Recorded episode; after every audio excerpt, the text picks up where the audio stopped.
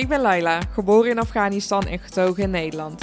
Met mijn man Tom heb ik het regelmatig over onderwerpen zoals de economie, identiteit, maar ook de grootste zorgen die we als bevolking hebben.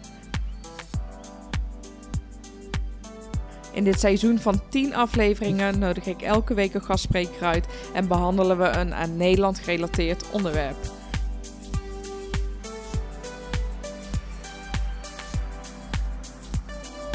Welkom bij Nederkast, ga mee op reis en laten we Nederland samen ontdekken.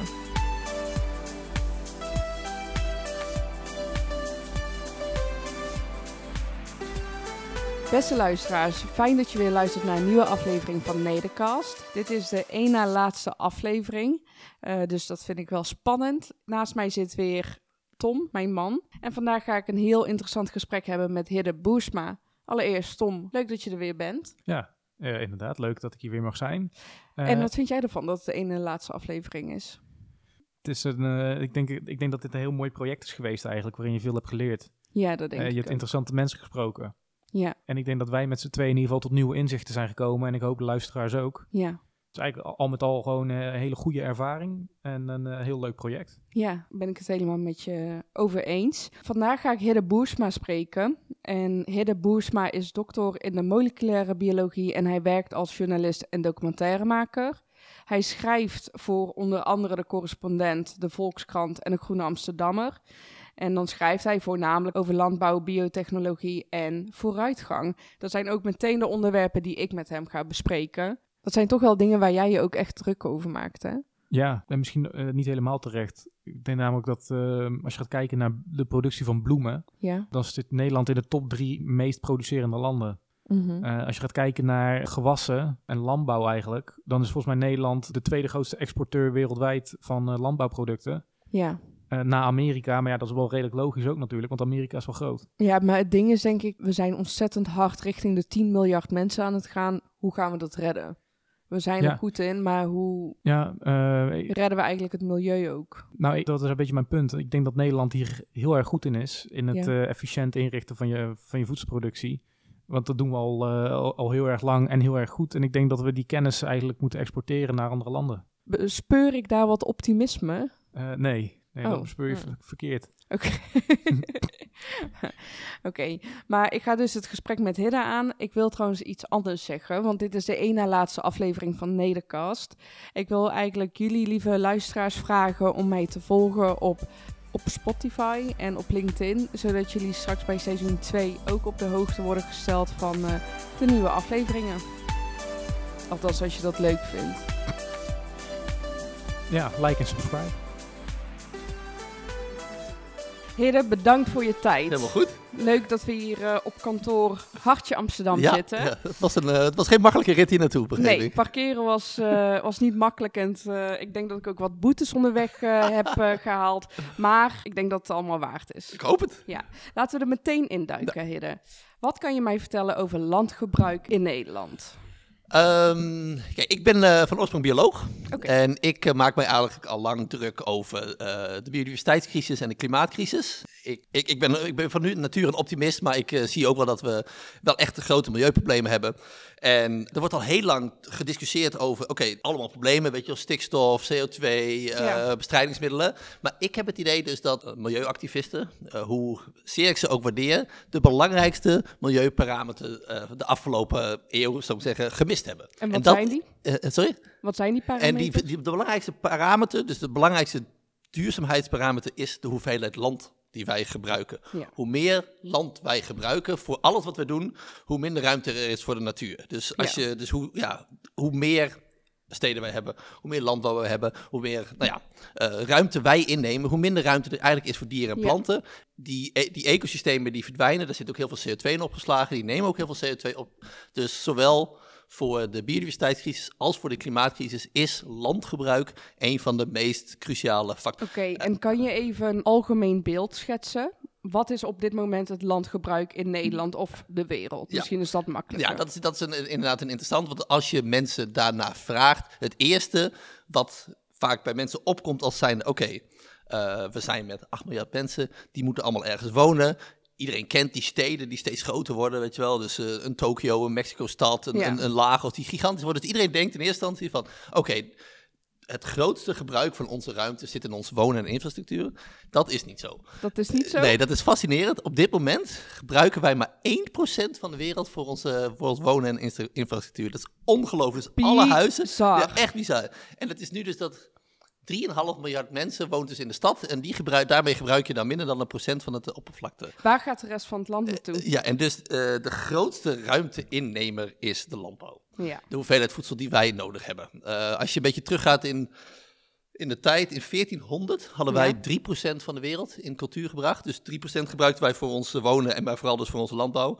In eh, eh, 1900 was dat eh, iets van een kwart. En nu hebben wij dus de, de helft van de wereld hebben wij in cultuur gebracht. Dus die helft van de wereld is geen eh, natuur meer zoals het was. Daar hebben wij veranderingen in aangebracht. We gaan naar 10 miljard mensen. Als we de, de situatie niet veranderen, hoe gaat dat landgebruik er dan uitzien? Ja, eh, kijk, Bij 10 miljard ja, dat- mensen dus. dat ligt er natuurlijk een klein beetje aan hoe de wereld zich ontwikkelt. We, je ziet al heel erg dat de hoeveelheid eh, grond die wij gebruiken eh, voor, om één persoon te voeden, wordt Ja. steeds kleiner. Oké. Eh, vroeger was dat, ik kan, ik kan de precieze getallen niet, maar vroeger waren de opbrengsten bijvoorbeeld van tarwe en maïs waren 1 of 2 ton per hectare. Nu is dat in een eeuw is dat gestegen naar tussen de 8 en de 12. Dat is echt gigantische. Ja. eh, en dus je ziet dat het landgebruik de afgelopen eeuw wel is toegenomen, maar dat de, de, populatie veel sneller is toegenomen. Dus we hebben, veel sneller is toege- toegenomen. Dus Ja. we hebben al een hele klappe prestatie dat we steeds minder land nodig hebben om mensen te voeden. Ja. Maar door die groeiende wereldbevolking neemt het nog wel toe. Ja. Dus als je het nu, nou ja, als je een beetje de business as usual, dan hebben wij nu nog iets van 10 of 20 procent extra eh, ruimte nodig. Eh, dat betekent dat eigenlijk, nou ja, dat er eigenlijk maar een kwart tot 20 procent van de wereld overblijft voor biodiversiteit en voor eh, eh, CO2-opslurpende bomen. En dat is gewoon te weinig. Ja. Dat is, als, als we dat, je ziet nu al dat we in de zesde extinctie leven. Dus er zijn gewoon heel veel planten en dieren die op het punt van uitsterven staan, omdat ze Ja. gewoon geen ruimte hebben. Ja. Dus wat mij betreft, ja, we gaan naar 10 miljard mensen. Het is mogelijk om die 10 miljard mensen welvarend te maken en te voeden. Maar wij moeten zorgen dat we niet meer ruimte gaan gebruiken. En het liefst nog minder. Even een andere vraag. Heel veel gaat op aan wat wij eten. Ja. Als je het dierenrijk zeg maar neemt, hoeveel procent daarvan bestaat zodat wij dat nuttigen? Ja, dat is fascinerend. Ja, kijk, is een heel groot gedeelte van die 50%, en dat is 28% van die 50% wordt gebruikt voor veehouderij. Oké. En dat is dus het houden van het vee zelf, maar ook het groeien van de gewassen die die beesten eten. Dus Ja. van die 50% is, is 28% is veehouderij. Maar wat, wat mij misschien wel het meest fascinerende getal is, is dat van als je eh, de biomassa neemt van alle dieren die er zijn, is 96% zijn varkens, kippen en koeien. En 4% is nog maar de leeuwen en de olifanten. Wat bizar. Ongelooflijk veel. Hoeveel. Ja. En wij, ja, wij, wij hokken die natuurlijk allemaal op. Maar 96% van alle biomassa, dus van, van het Ja. kilo's eh, dier, is dieren die wij eten. En dieren die wij dus ook zelf hebben gecreëerd. Zeggen. Dus de kip en de, het varken en de koe, die komt niet in de natuur voor. Weet je, ze hebben natuurlijk wel een Ja. voorouder, die, die zien er heel anders uit. Wij hebben die helemaal, nou ja, gewoon... Kunnen we even het voorbeeld, ik hoor je kip Ja. zeggen. We, we, we leven nu op een bepaalde manier en we zijn dat gewend en dat is voor ons het nieuwe normaal. Ja, Kunnen we even van vroeger uit die kip nemen en versneld afspelen tot nu? Hoe gaan we met die kip eigenlijk Ja, om? nou ja, Dus kijk, is er een eh, wilde kip? Eh, ja, er is een, dat heet een jungle fowl. Ik weet niet eens wat de Nederlandse naam daarvan is. Het is een, een beest dat in de, in de jungle van eh Maleisië en, en die contraien voorkomt. Ja. Die hebben wij dus op een, ge- op een gegeven moment... Ik, die, toen wij jagen-verzamelaars waren, aten we die ook. Die hebben we op een gegeven moment, nou ja... eh, Bij ons huis genomen en die hebben we steeds verder aangepast. En Ja. die is, dat was een prachtig beest met prachtige veren, heel slank. En, eh, Ja. en we hebben in de loop van de tijd, ja, hebben we dat door, ja, door selectie, door veredeling, hebben we die helemaal veranderd natuurlijk in een soort vleesmachine. Ja. Eh, en helemaal opge, eh, opgeklopt. Die Ja. hebben we, eh, die, de snavel af. de snavel, die, die knippen we eraf. We hebben eigenlijk alle, bijna al het natuurlijk gedrag wat ze laten zien. Ja, dat kan in, in de huidige omstandigheden niet. Er wordt wel steeds meer gescharreld, maar nog steeds zit het natuurlijk in dichtheden die veel groter zijn dan in de natuur. Dus we hebben die hele dieren. Ik denk dat wel zo 30% van het DNA is veranderd vergeleken met een, eh, met een wilde kip. Dus we hebben helemaal onze eigen dieren gemaakt. Ja. En daar gaan we ook op een manier mee om waarvan we zeggen... Ja, we hebben dat op, op, op een of andere manier hebben we dat gecompartmentaliseerd. Dus ergens anders waar we er niet over nadenken. Maar het is eigenlijk heel fascinerend als je denkt hoe wij met deze dieren omgaan. Als je, als je met een eh, hond of met een kat omgaat zoals wij gaan, omgaan Ja. met een kip of een varken, dan is dat dus illegaal. Ja. Dus we hebben een paar dieren helemaal zelf gecreëerd en daar hebben we een soort, hebben bijna alle ethiek op losgelaten. En volgens mij is het zo dat we, omdat we niet anders weten, omdat we denken dat er geen alternatief is, Ja. we, hebben die, we hebben die dierlijke eiwitten, die hebben wij nodig. Ja. Eh, en omdat we denken dat dit het enige alternatief is, Ja. en omdat het ook zo langzaam is veranderd, hebben we dit helemaal geaccepteerd. Maar als je, als je weet je, eh, daarboven gaat staan en gaat kijken wat we daar in de afgelopen 10.000 jaar mee gedaan hebben, dan denk je echt, het is echt niet normaal. Dat we, hoe was het ook weer? 67 miljard beesten doden wij elk jaar op ons eten. 67 miljard. En, hebben dat, en dat vinden wij dus de normaalste zaak van de wereld. En we denken er dus blijkbaar niet eens echt over na. En we durven ook niet bijna na te denken, omdat ja, ik denk, er is ook niet een andere manier om die eiwitten tot ons te nemen. Dus dit moeten we maar accepteren. Ja. Dus we hebben gewoon een wilde kip gepakt. Ja. Die hebben we compleet veranderd eigenlijk.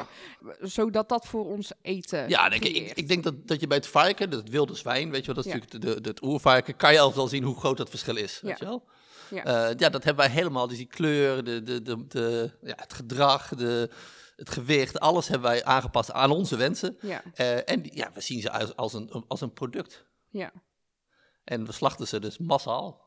En, eh, en, en, en, en ja, om, om terug te komen op dat landgebruik. Kijk, van alle dingen die wij eten, dus eigenlijk is de veeteelt de, ja, het deel waar we het meeste land voor gebruiken. Dus Ja. als wij de biodiversiteitscrisis willen aanpakken en de klimaatcrisis willen aanpakken en dus minder land willen gebruiken, Ja. is de hoeveelheid vlees die we eten de belangrijkste hendel.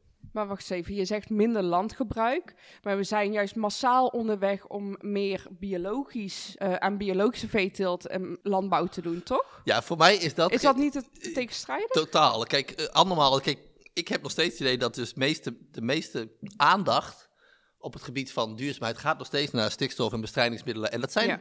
Schadelijke stoffen, laat me duidelijk zijn. Bestrijdingsmiddelen zijn niet goed voor, de, voor het wilde. Maar als je kijkt naar de hoeveelheid dieren die wordt bedreigd door verschillende parameters, dus bijvoorbeeld inderdaad een watergebrek of, of een eh, of, eh, Ja. ehm, pollution, vervuiling door middel van, eh, van bestrijdingsmiddelen, dan zie je dat, ja, er zijn een heel aantal dieren die daar worden, door, door worden bedreigd. Maar de belangrijkste reden waarom dieren uitsterven, is omdat ze geen ruimte meer hebben. Dus het heet dan hab- habitatfragmentatie en habitatdestructie.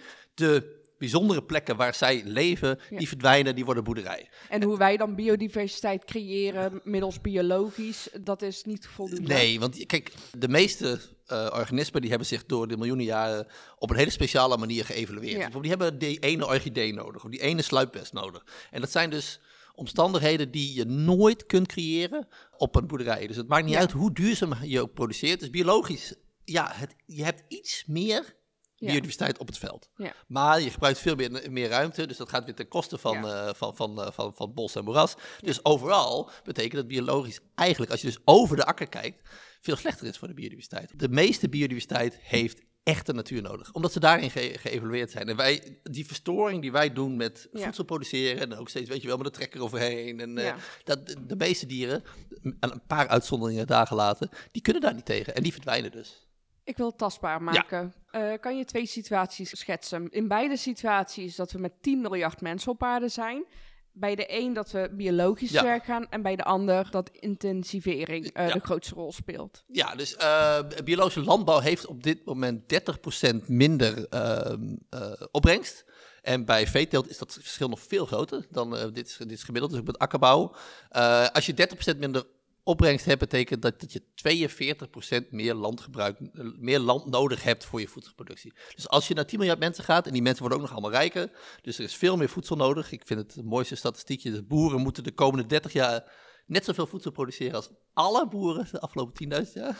Wauw. Echt gigantisch. En ik denk dat dat gaat lukken. Maar als je dus gaat voor extensivering, voor Ja. biologische landbouw of, of andere methodes van extensivering, heb je daar veel meer land voor nodig. En dat betekent uiteindelijk, als je nu kijkt naar de voedselproductie, is zo alles biologisch doen, heb je een extra ruimte nodig van de hele Amazone. Dus we hebben meer land nodig. Er moet een bos gekapt worden. Hè? Is dat ook slecht voor het milieu? De manier waarop we dus eh, voor ontbossing zorgen? Ja, kijk, die ontbossing, die, eh, die, die bossen, die herbergen natuurlijk een hele grote biodiversiteit. Die, Ja. al, ja, die dus veel hoger is dan welke boerderij dan ook.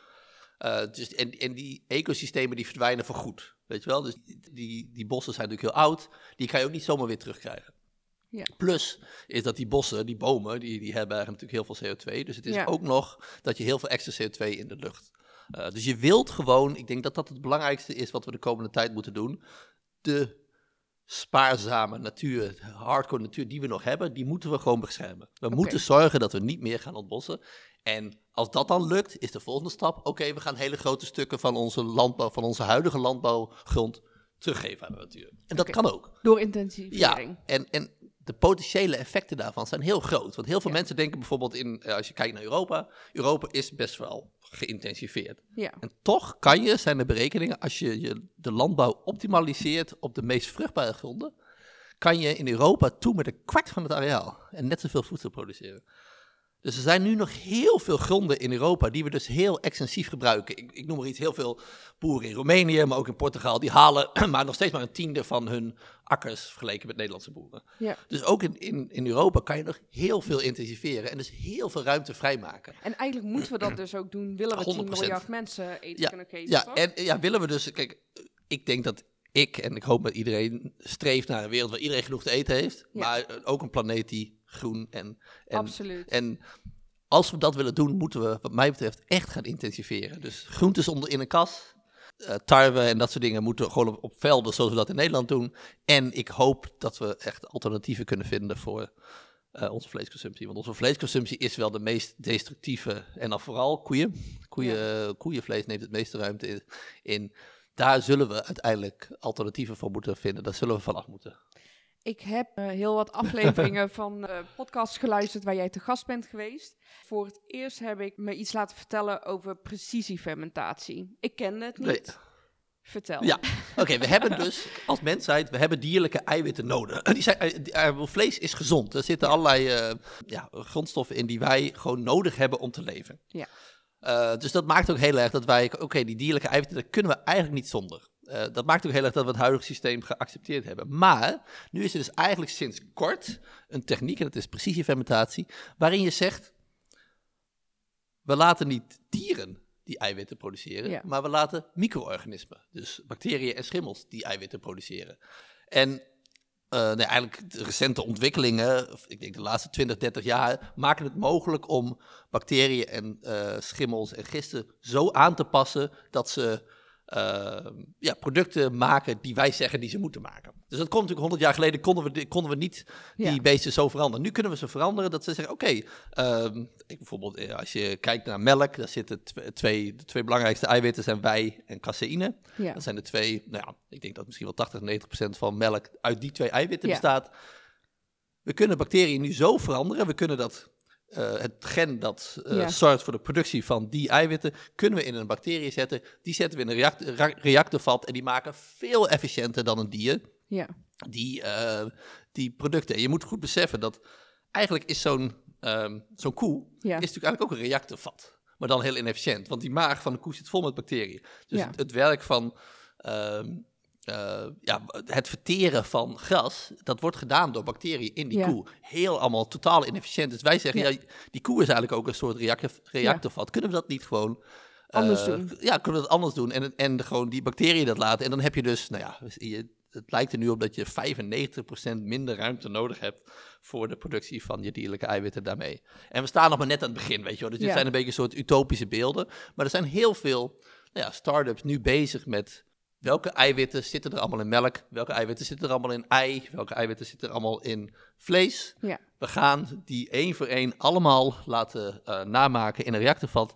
En op die manier ze combineren tot melk en vlees. Dus eigenlijk heb je soms een bepaald deeltje uit de melk nodig. En nu zouden we dat dus veel efficiënter. Ja, ik denk dat dat, dat dat is vooral de eerste stap. Kijk, een heel een groot gedeelte van. Kijk, als jij aan een koe denkt, dan denk je eerst aan, aan een, een, een glas melk. Ja. Dat dat het, het belangrijkste product is van een koe. En, ehm, en, en dit glas melk is, is gezond en lekker. Maar een heel groot gedeelte van de melk die wij eh, produceren, die eh, wordt gebruikt om taart te maken of Ja. koekjes te maken. En voor die koekjes heb je eigenlijk niet alle ingrediënten van melk nodig. Ook niet de smaak van melk per se. Nee, je hebt eigenlijk maar twee eiwitten eh, nodig. En dat is of, wij, of wij of caseïne. Ja. En dat geldt, hetzelfde geldt ook voor, eh, voor kaas. En eh ei zit dan ei, eiwit. Het albumine gebruik je ook voor taart en dat soort dingen. Ehm, dat, dus de, voor de processed food. Dus ik denk dat wel 60% van de melk die een koe produceert, wordt vaak melkpoeder en wordt daarvoor gebruikt. En die markten kun je heel snel vervangen. Omdat je eigenlijk is melk daarin bijna een beetje Ja. zo'n overbodige, weet je, overbodig uitgebreid product. Ja. Wij zeggen, nou, we kijken naar precies die eiwitten die je eigenlijk nodig hebt voor je taartje. Die twee gaan we namaken, heel efficiënt. En dan kan je dus, heb je dus niet meer de koe nodig en niet meer dat hele grote ruimtegebruik. Dus een heel glas melk namaken, dat lukt nu nog niet. Nee. Dat, dat gaat op, op, op uiteindelijk denk ik wel lukken. Maar de toepassingen van melk, heel veel toepassingen van melk en van ei en van kaas, een tosti bijvoorbeeld, Ja. die kan je wel heel erg gaan nagaan. Zou de combinatie van precieze fermentatie en intensivering de aarde kunnen redden? Absoluut. Ultiem, als je alle dierlijke eiwitten Ja. eh, vervangt door precisiefermentatie, dan kun je de hele wereld voorzien van dierlijke eiwitten eh, op een ge- gebied ter grootte van Utrecht. Nou ja, dat, zover is het echt nog niet. Maar ik zie voor me dat we naar 10 miljard mensen gaan, ehm, dat we, ik denk, nog maar 20% van de planeet nodig hebben, in plaats van 50% nu. Ja. Dus dat je hele grote stukken kan rewilden. En dat betekent dus inderdaad inzetten voor, nou ja, groentes maak je in de kas. Eh, Die hebben, daar heb je tien keer zo hoog opbrengst als buiten. Eh, granen maak je gewoon heel, doe je heel intensief. Ja. Natuurlijk wel duurzaam dat de grond niet uitput. En al het vlees vervang je langzamerhand tot, eh tot precisie, precisiefermentatie. En, en je hebt nog een andere, hè. soms je hebt ook natuurlijk plant-based eh, food, je hebt eh, Ja. kweekvlees. Ik geloof heel erg in precisiefermentatie, omdat daar ook echt wel voorbeelden zijn eh, dat het gelukt is. Ja. de insuline die wij inspuiten wordt gemaakt met precisiefermentatie. Al, heel, al heel lang. Eh, citroenzuur, wat wij heel vaak gebruiken als een soort Ja. eh, preserve, pres- preservation product. Ja. Wordt ook gemaakt in precisie fermentatie. Dus we weten al dat het kan, weet je wel. Dus vroeger werden de varkens geslacht voor insuline. Nu gaat dat met precisie fermentatie. Vroeger werden de citroenen en limoenen gebruikt. Dus we weten al dat het kan. Nou ja, nu gaan we dat uitbreiden. En dan kunnen we 10 miljard mensen voeden en eh, alle dieren en planten de ruimte geven. Wat stopt ons nog om dit zo Ehm, te doen? Nou ja, voor deel is dat dus, dus ja, de, simpel de status quo. Eh, er zijn natuurlijk heel veel vested interests. Eh, ik denk wel dat, waar we het in het begin ook hadden, wij accepteren het huidige systeem van het slachten van, van 67 miljoen, Ja. miljard dieren, omdat we niet weten dat er een alternatief is. Ja. Maar, dat heet dan de techno-ethical shift, op het moment dat we weten dat het anders kan, dan accepteren we het huidige systeem niet meer. Dan gaan we daar naar kijken, holy crap, wat hebben we gedaan? En Ja. het zijn een paar mooie voorbeelden van, vroeger eh, werd het paard bijvoorbeeld in de stad gebruikt voor alle, eh, eh, alle, alle Werkzaamheden. mobiliteit en- Ja. en werkzaamheden. En we gingen toen ook, paarden zagen we ook als een soort product die wij nou eenmaal nodig hadden. Ik bedoel, die, die beesten die werden verschrikkelijk behandeld. Die werden vaak maar drie jaar oud. Er lagen, het lagen, er zijn foto's van dode paarden in, in de straten van Amsterdam en niemand die er aan maalt. Die beesten werden gewoon mishandeld en iedereen vond het heel normaal. Op een manier waar we nou denken, dat kan toch niet? Ja. En het veranderde doordat, doordat de auto kwam. oh ja. En er was een alternatief opeens voor de mobiliteit en voor, Ja. de, voor, de, voor de paardenkracht, om het zo te zeggen. En toen dacht ik, hey, wat hebben, wij, wat, wat hebben we die al die tijd die paarden aangedaan? Dat kan toch niet? Dus je ziet dat door, door technologie onze ethiek gaat veranderen. Ja. En dat gaat hier ook gebeuren, denk ik. Ik denk dat wij, doordat er nu een alternatief is, naar het andere systeem gaan kijken. En, god, dat hebben we 10.000 jaar helemaal verkeerd gedaan. En, het, en, en daarmee kan je niet zeggen van, die mensen toen zijn fout. Nee, die- behoefte aan die dierlijke eiwitten was er. En er was geen ander alternatief. Want wat is het resultaat geweest? Hè? Waarom hebben we dit zo aangepakt? Ja, ehm, Kan je daar Eh, met nou ja, kijk, eh, data verduidelijkingen in geven? Nou ja, kijk, eh, wij hebben natuurlijk als mensheid zijn wij geëvalueerd als, als omnivoren. Eh, dus toen we jager-verzamelaar waren, jaagden we ook. Kijk, een mens, eh, een, elk organisme heeft, eh, heeft voedsel nodig, heeft verschillende eiwitten, verschillende moleculen nodig om te leven. Waar haal je die uit? Sommige beesten halen dat alleen uit planten. Die hebben daar ook een heel erg geavanceerd maagsysteem. Zoals koeien hebben vier magen, wij niet. Ja. Dus wij zijn afhankelijk voor, voor een deel van dieren. Ja. Dus, en vroeger, ja, toen we nog met heel weinig waren, ja, toen de- die, die jaagden, joegen we gewoon op, op wilde dieren. En heel langzaam is dat systeem van, we werden steeds met meer. Eh, we, gingen, eh, we gingen landbouw bedrijven, Ja. we gingen dieren domesticeren. Dus het is heel langzaam is dat zo ontstaan. Eh, en toen, aan het begin van de 20e eeuw, de populatie wel heel snel ging, ja, toen moesten we echt, nou ja, toen moest dat, kwam dat ook in een stroomverstelling. Weet je wel, Ja. oké, we, we hebben zoveel dierlijke eiwitten nodig. Hoe gaan we dat in vredesnaam doen? We gaan ze, eh, weet je wel, eh, met eh, tienduizenden tegelijk in, in, in, in de bewijzen van in een fabriek stoppen. Ja. Dus het is ook een beetje zo langzaam gegroeid. We hebben die eiwitten hadden we nodig. Er was geen alternatief. We hebben eigenlijk toch wel een gruwelijk systeem opgezet. maar wel een systeem wat noodzakelijk was. Ik, ik wil daar wel een beetje voor waken dat. Eh, je ziet dat heel erg dat heel veel boeren worden nu Ja. aangevallen op. eh, jongens, jullie hebben. jullie productiesysteem is verschrikkelijk en jullie zijn eh, slecht. Denk, ja, Die boeren die hebben in de 20e eeuw echt een wonder verbracht. Ja, waarom? Nou ja, als je, als je terugkijkt naar bijvoorbeeld in 1900 had 80% van de wereld leefde in extreme armoede en had honger. Ja, dat is echt veel. Het is echt bizar. Niet voorstellen dat maar 20% van de wereld toen gevoed kon worden. Acht op de tien, hè? Ja, dat is echt. Die, die is gewoon eigenlijk niet wisten of ze de volgende dag te eten hadden. Zo. En nu is dat, en nu is dat dus nog maar 10%. Nog maar 10% van de wereld weet niet of die de, of, of die de volgende dag te eten Nog, hebben. nog steeds Dat te veel. Belachelijk. Er is nog steeds een miljard mensen, want er zijn natuurlijk nu met Ja. veel meer. Dus dat moet anders. Ja. Maar dat we in staat zijn geweest om 7, 6 tot 7 miljard mensen te voeden, ja, dat had, nou, dat- dat had niemand voor mogelijk gehouden ja, in, eh, in 1900. Als je toen had gezegd van boeren, jullie gaan over een, een eeuw, ja. is jullie graanopbrengst tien keer zo hoog. Nou, dan had iedereen je voor gek verklaard. Dus wat wij in de 20e eeuw hebben voor elkaar gekregen, vooral door de groene, groene revolutie, dus door de ontwikkeling van kunstmest, bestrijdingsmiddelen, machinatie, eh, betere zaden, is godswonde. ja. En dat heeft, dus ik, ik, ik ben eigenlijk heel trots op de boeren. Ja, die boeren hebben echt, en, en, en daaromheen dus ook de wetenschappers en zo, dus al die Ja. veredelaars die dat hebben gedaan. Het is echt wat we in de 20e eeuw hebben geproduceerd. Er waren heel veel mensen die zeiden van, er zijn een paar bekenden zoals Paul Ehrlich, die zei zelfs van, je moet eh, stoppen met eh, voedselhulp, want eh, we kunnen toch nooit genoeg voedsel produceren. Dus laat die mensen maar doodgaan. Ja, dat, is- en dat, dat was in de jaren 70 best wel een, nee, een, een, aanwezige stroming. Van de Ja. bevolking die groeit zo snel, we kunnen daar niet tegen, eh tegenop eh, produceren. En dat kunnen we dus wel. ja, Maar, zoals je dat heel vaak ziet, oké, de vraag die we toen hadden, hebben we opgelost. Maar nu zijn we later, komen we tegen, oké, nu eh, zien we dat het milieu daar wel om leidt. We gaan nu op zoek naar een ander systeem. ja, Maar ik wil er dus echt wel voor waken dat je zegt, wat we hiervoor hebben gedaan is fout. Nee, we hebben het, Ja. het is echt fantastisch geweest. Ja. Maar nu is het tijd voor de volgende stap. Maar wat gebeurt er met, misschien een simpele vraag, hè, met, met al die boeren? Kijk, het aantal boeren is natuurlijk heel erg drastisch al aan het teruglopen. Toen mijn opa, zou ik zeggen, jong was, toen, wo- toen werkte 50% van de mensen in de landbouw. Ja, En, en dat was toen in Nederland eigenlijk best wel laag wereldwijd al, weet je wel. In, in, in andere landen en, en nu nog in heel veel Afrikaanse landen is het wel 60, 70 procent. ja, Dus door die efficiëntieslagen zie je dat heel veel mensen niet meer op het boerenland werken, maar naar de stad trekken en daar eh, andere- influencer worden. Nee, ja, bijvoorbeeld. Maar ik, denk dat dat, en ik denk dat dat dus een goede, eh, dat dat een goede weg is. Ja. het, het werken op een boerderij is helemaal niet leuk. dus helemaal, en helemaal niet als je dat helemaal met je handen moet doen. Dus het idee dat er steeds minder boeren komen, vind ik niet per se erg. Ja. Maar, eh, en, en dat zie je nu ook, 50% van alle boeren in Nederland heeft geen opvolger. Dus er zijn nu ook heel veel jongeren die zeggen, van, ik wil wat anders worden. Ja. Ik wil niet per se boer worden. Dus Ja. het is...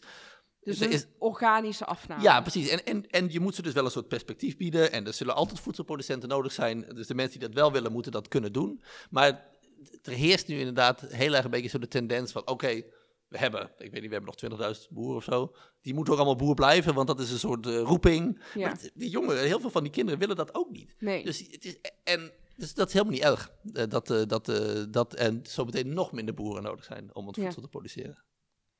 oké. Eh, we hebben het over boeren en dat eh, zij dus toch al een wonder hebben verricht. Dat we daar dus op een positieve manier naartoe kunnen kijken. Waar we ook positief naar kunnen kijken is de voedselinnovatie. We hebben daar best wel een prominente plek in als land, zijn Abs- toch? Absoluut, absoluut. D- Dat is wel, we zijn inderdaad een heel klein landje die op heel veel voedselvlakken het uitmuntend doen. En ik vind Ja. het, het mooiste feitje vind ik dat, dat 40% van alle groentezaden in de wereld heeft zijn oorsprong in Nederland. Eh, en dus bijvoorbeeld die regio Enkhuizen, daar zitten allemaal van die zaadbedrijven die dus ja, goed, gewoon zaden van, voor, de, voor de hele wereld maken. Hoe dus, kan dat? 40% Ja, dus van de wereldproductie Ja, is dat- enorm. Ja, precies. En dat, dus, ja, precies. Dus de zaden daarvan, dus die worden natuurlijk er- Ja. ergens anders gegroeid. Maar ook bijvoorbeeld ja, de manier waarop wij eh, tomaten en, en paprika's groeien Ja. in de kas. Daar komt, de hele wereld komt kijken. China komt kijken van hoe, hoe doen ze dat in Nederland. Hoe kan dat, dat zij daar zo goed in Ja, zijn? het heeft natuurlijk, we- hebben natuurlijk, van de, aan de ene kant heeft het gewoon te maken met, eh, we hebben altijd een soort welvaartsvoorsprong gehad. Weet je. Wij- wij- Europa was het eerste continent dat rijk werd. Ja. En dat hebben we op een gegeven moment natuurlijk ook geïnvesteerd in innovatie. Maar Nederland heeft daar ook wel een soort, nou ja, sleutel in weten te vinden in een soort samenwerking tussen overheid, bedrijfsleven Ja, eh, en, en consumenten op een manier die in andere landen niet, eh, wat, wat niet van de grond is gekomen. Dus heel veel, heel veel landen hebben het gewoon hebben het op de markt gegooid. Ja. Sommige, maar sommige landen hebben ook zichzelf heel erg zeggen, protectionistisch opgesteld. eh, en, en zich dus niet eh, nou ja, eh, internationaal eh, Ja. ingesteld. Nederland was daar heel goed in, dus ook hele internationale kennis Ja. ophalen. En dat hier concentreren. Eh, Wageningen Universiteit is daaruit ontstaan. Uh, Ja. een van nu op dit moment de beste landbouwuniversiteit van de wereld is.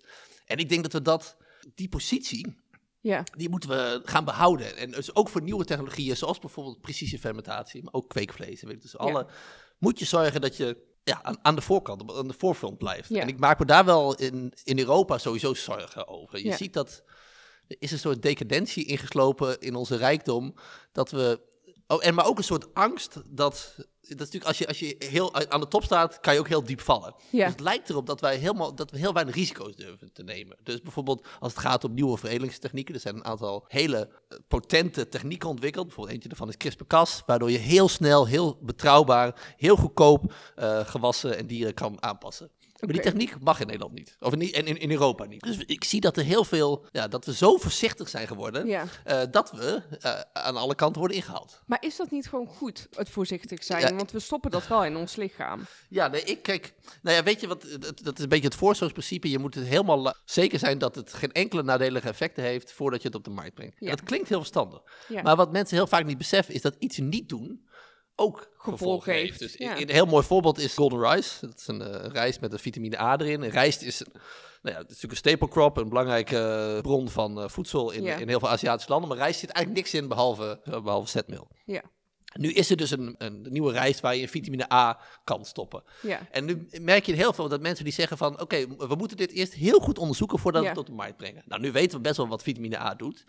Maar hoe langer je wacht, hoe meer mensen er sterven aan vitamine A-gebrek. Dus het feit dat je zegt van... oké, we moeten heel Oh, veilig aan de ene kant zijn... kan ook wel betekenen dat je wel in ondertijd allemaal mensen verliest. Dus je moet heel erg kijken, oké, De wat zijn... risico's afwegen. Ja, ris- risk-benefit analyse Ja. doen. En in Nederland, eh, in Europa zijn we heel erg van... oké, risico's zijn altijd erger dan potential benefits. Ja. Eh, En er zijn zat voorbeelden dat we dat ook.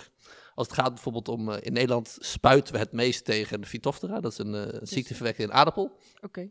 En daar ligt dus ook al een, een, een- een res- resistente variant. Wageningen heeft die al ontwikkeld. Die de markt niet op mag. Dan denk ik, ja. Ondertussen gaan we door met spuiten waar we zeker weten dat er risico's zijn. Weet Ja. Dus je, je, in de status quo mag wel, mag wel allemaal risico's zitten en in de nieuwe dingen niet. Ja. En dat levert nu in, in, in Europa een soort situatie op waarin, ja, waarin de status quo dus heel lang blijft. Terwijl we weten dat het huidige voedselsysteem niet duurzamer is. Dus ik zou best wel willen risico's durven nemen. Meer Ja. risico's. Ik denk dat dat ook ons de- welvaart heeft gebracht die we nu hebben. Ja, en denk je dat onze plek wat betreft voedselinnovatie nu in gevaar is, als we zo risico-avers blijven? Eh, ja, eh, ja, zeker. Ik, zie- je ziet dat dus nu al met die zadenindustrie, dat ze dus de mo- meest moderne technologieën niet mogen eh, toepassen. Ja, dat Ja. is natuurlijk voor andere continenten kat en bakkie, want die kunnen dat wel. Ja. Ehm, maar dat geldt ook bijvoorbeeld, ja, weet je wel, op het gebied van AI en dat soort dingen. Ehm, nieuwe technologieën worden eerder omarmd in landen waarin ze eh, meer te winnen hebben.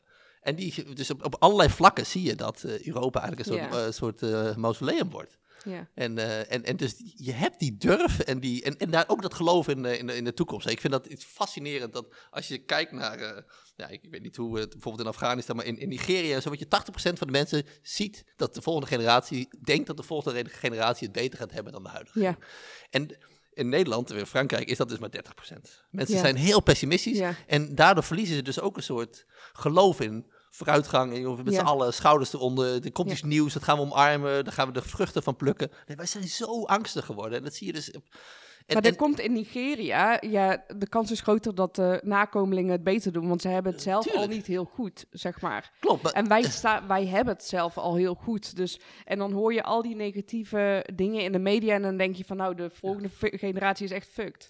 Ja, klopt. En ik, dat, dat, dat, dat- daar, daar raak je aan iets goed. Want ik denk dat op heel veel vlakken we het langzaam nog steeds beter hebben, weet je wel. Dus de manier waarop wij met depressie omgaan, of de kankerbehandeling en Ja. dat soort dingen. Dus, maar ook het milieu. Ik denk Ja. dat we daar ook nog wel eens bij wel eens vergeten dat de waterwegen en de luchten en zo nu veel schoner zijn. Ja, Dus ik, als het leven kan nog ve- veel beter dan we Ja. nu, nu zijn. Dus ik denk dat, maar daarvoor moeten we er wel op in blijven zitten. ja, En dus niet zeggen, oké, ik ben nu zo, ik ben tevreden. ja. Eh, maar er zijn nog steeds heel veel mensen in armoede en er zijn nog steeds milieuproblemen. En juist met durf en vooruitgangsgeloof kunnen we nog een mooiere planeet maken.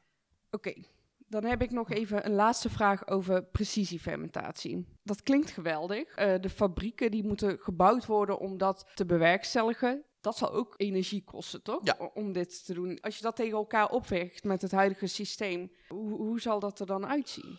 Nou ja, kijk, als we dit willen, als we zeggen ja. uh, precisiefermentatie is een techniek waarin wij veel potentie zien, denk ik, of vind ik, dat de overheid daar dus massaal in moet investeren. Dat hebben we in het verleden ook heel erg gedaan. Kijk, ook dat is een verandering in, in, uh, in uh, Europa, misschien wel in het hele Westen, die ik nou ja, heel jammer vind. Als je kijkt naar hoe wij in de, in, wat, wat wij in de jaren 50 en 70, wat de overheid toen durfde, weet je, Ja. we, we hebben de Flevopolder gewoon gecreëerd. Weet Ja. je wel? We hebben gewoon gezegd, Groot we gaan... project. Ja, dat, dat komt er nooit meer doorheen nu op dit moment.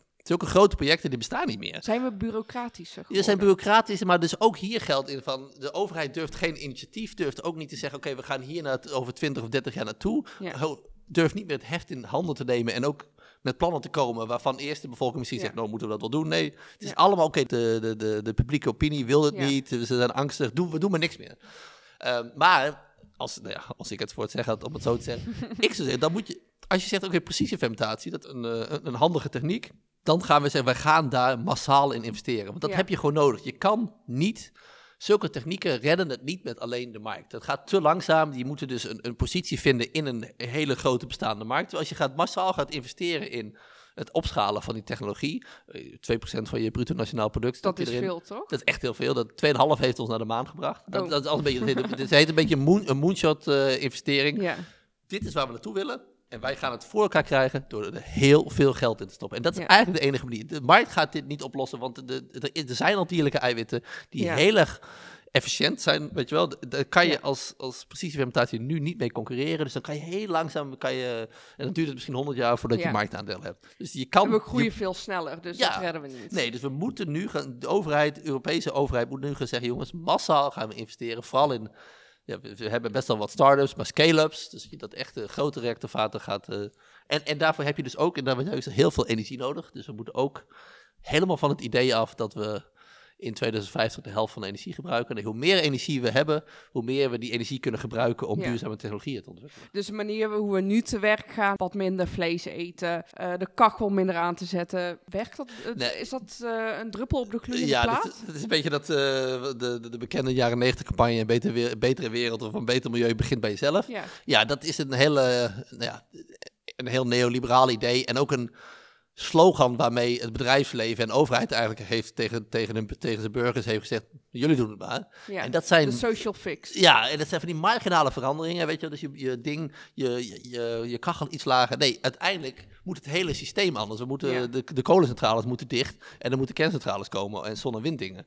Eh, dat zijn dingen die, de, die een burger niet kan doen. Ja. Dus dat begint bij de overheid. En hetzelfde geldt voor mobiliteit. Van, ja, je kan een kleinere auto nemen of zo, of een auto weg Ja. doen, maar dan komt je buurman, die heeft een SUV, die zet hij daar neer van, hé, hey, ik heb een nieuwe parkeerplaats van die van mijn buurman. Ja. Dat, het hele systeem moet al... Nou, ik, ik, ik ben vorig jaar in, in Tokio geweest en daar heeft dus bijna niemand een auto, 40 miljoen mensen. En je hebt geen auto nodig, want het OV is daar fantastisch. Het werkt, weet je wel. Ja. En ook dat is alleen maar overheidsinvesteringen. Dus de system change, om het zo te zeggen, die kan alleen worden ingezet door de overheid. En dat geldt hier dus voor ook. Dit zijn geen dingen die je zelf kan doen. Maar die 2 tot 2,5 procent, hè? Waar halen we die uit en waar stoppen we die in? We moeten ook economisch nog gaan groeien. Daar ben ik dus ook heel erg van overtuigd. Economische groei is noodzakelijk om de duurzame transitie voor elkaar te krijgen.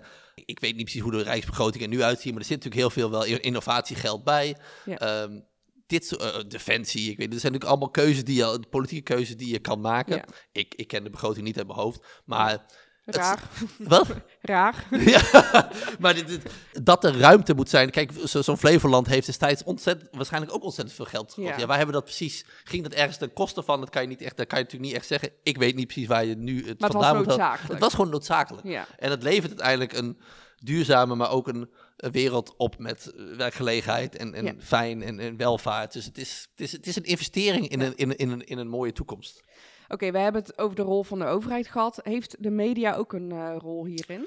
Ehm, Of gaat hij er gewoon in mee? Nou ja, kijk, hier, ook hier geldt, dat, dat is, er is best wel wat onderzoek gedaan, in ieder geval in Amerika en in de, in, naar de New York Times, dat de berichtgeving over de decennia heen wel negatiever is geworden. Ja, want daar wil ik het inderdaad over hebben. Als ik om me heen kijk, eh, het nieuws, noem maar op, negativiteit heerst. Ja. Eh, en, en nu ook heel veel over de boeren, over milieu, eh, vluchtelingen. Dat maakt dat de bevolking een stuk pessimistischer wordt. Gaat het echt zo slecht als dat wij denken? Nou, heel veel westerse landen, dus de, de, de allerrijkste landen, zie je dat de afgelopen 20, 30 jaar een enorme verbetering heeft plaatsgevonden van Ja. het milieu. Ik bedoel, in Nederland hebben we de, de, de wolf weer terug, de, in Europa de, doet de bruine beer het eh, steeds beter. Ik, dat, ik vind dat wel een mooi voorbeeld. Iedereen denkt nog steeds dat er een soort rechtstreeks verband zit tussen eh, welvaart en milieudestructie. Dus hoe welvarender we worden, Ja. hoe meer schade we doen aan het milieu. Hoe Maar- meer we consumeren en noem. Precies. Ja. En dat we consumeren is ook wel interessant, want wij gebruiken dus nu 20% minder grondstoffen per hoofd van de bevolking dan 20 jaar geleden. Terwijl iedereen denkt dat het allemaal steeds erger wordt. En hetzelfde geldt dus voor de slechtste tijd van het milieu in Nederland ligt achter ons. Dat was in de jaren 70, 80. Toen hadden we echt, weet je, bijvoorbeeld alle waterwegen die zaten vol met algen van, van, van het mestoverschot. En eh, de hoeveelheid land die wij gebruiken voor voedsel bijvoorbeeld is in Nederland al heel lang aan het teruglopen. Dus we hebben steeds meer ruimte voor de natuur.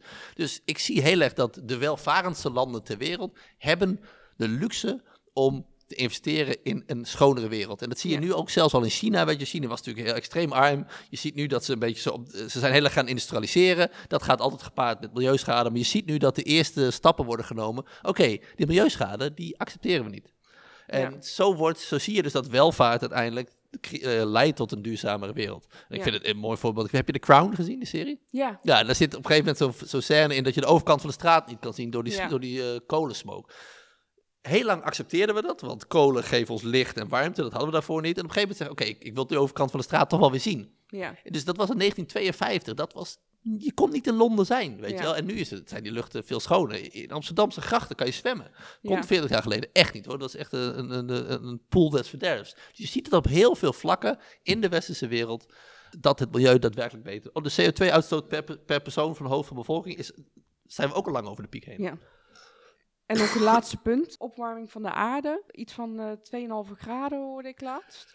Ik denk dat dat wel het grootste existentiële probleem is dat we hebben. Maar ook hier geldt dus dat heel veel landen, Engeland, Nederland, de, de, de CO2-uitstoot per hoofd van de bevolking is daar heel erg hard aan het dalen. Dus er zijn, heel, er zijn echt wel positieve punten te pakken. Ik vind wel dat we dit nog veel sneller moeten doen. Ja. Ik wil niet naar 2,5 graden. 2,5 Nee. graden is veel. Maar door de jaren heen is dat altijd zo eh, hard gestegen, die temperaturen? Eh, nou ja, kijk, positief is, is dat je, als je 20 jaar eh, terugkeek, was het, als je doortrok, zouden we naar 4 graden warmer gaan. Oké, dus Je, je, ziet- je ziet al dat we, weet je, dus de, de, de, de rampscenario's Ja. zijn wel een beetje afgewend. Heel langzaam wordt het Ja. optimistisch. Eerst was het 4 graden, 3, nu gaan we naar 2,5, weet je wel. Ja. En 2,5 is te veel. Dus heel veel, je ziet dan nog steeds in het nieuws van, een drama, we gaan naar 2,5 graden. En dat is ook erg. Maar besef wel dat we 40 jaar geleden of 30 jaar geleden dachten dat we naar 4 graden gingen. Dat was nog veel rampzaliger. Dus ook dat, dat perspectief moeten we ook in die nieuwsberichten zetten. Vind dus, ik ook. Ja, Gewoon dat mis je dus. Want iedereen denkt van plaatje. 2,5 graden, we gaan eraan. Want iedereen is die 4 graden vergeten. Ja. Dus we moeten zeggen, jongens, we zijn best wel goed bezig. We hebben onze schouders eronder gezet. Ja. We zijn van 4 naar 2,5. Het is niet genoeg, maar we kunnen het. Ja. Dat is heel anders dan de hele tijd Ja. zeggen, jongens, de, wereld gaat naar de, naar de, de tyfus, om het zo te zeggen. En dat geldt hetzelfde voor biodiversiteit. Laten we ook zien, wat ik zeg, die wolf is weer terug. En de, de, de Europese natuur is echt aan het verbeteren. De linkse, die, die doen het weer goed. Eh, de bruine beer, de bison. Waar eigenlijk geen plek voor was in de jaren 80, Ja. zie je dat de natuur weer beter wordt. En ik denk dat het heel belangrijk is dat we als mensheid beseffen, wij zijn ook een kracht van het goede. ja, We zijn niet alleen maar destructief bezig. Nee, ik bedoel, die natuur... we zijn niet eh, de tumor van de aarde. Ja, absoluut niet. Nee, wij, ten eerste vind ik al wat wij als mensheid eh, hebben eh, bewerkstelligd. Hoe wij nu leven met Ja. voedsel en kunst. En is, is al fantastisch, weet je wel. Ja. We mogen echt wel trots zijn op wat we bewerkstelligd hebben. De kindersterfte terug van 30% naar 0,3% of 0,03, Ja. weet je. Dat zijn echt wonderen. Daar mogen we echt wel bij stilstaan. We hebben te lang het milieu veronacht staan. Maar nu zie je ook dat hoeveel mensen zijn er wel niet bezig met een beter milieu. Eh, in, in Wageningen, die natuurlijk heel lang Ja. natuurlijk heel erg gefocust waren op voedselproductie. Overal staat duurzame voedselproductie nu, weet je wel. Ja. Dus iedereen, de hele wereld is bezig om de krachten die wij in de 20e eeuw heel erg hebben gebruikt om ons leven beter te maken, de mensheid, gaan we nu inzetten om de, eh, de, de rest van de, Ja. van de organismen. En, en dat, en dat gaat ons ook lukken. Dat weet ik zeker. Ik ook. Het gaat lang niet zo slecht als dat we denken. Sorry. Maar we moeten er gewoon nog even tegenaan. Ik wil je ontzettend bedanken voor dit gesprek. Want ik denk dat door gastsprekers als jij, Hidde, dat we daar kunnen komen. Dankjewel. Heel erg bedankt. Leuk. Beste luisteraar, bedankt dat jij je kostbare tijd hebt besteed aan het luisteren van deze aflevering. Wil je niks missen? Volg dan Nedercast op Spotify, Apple Podcast of Podimo. Tot volgende week dinsdag.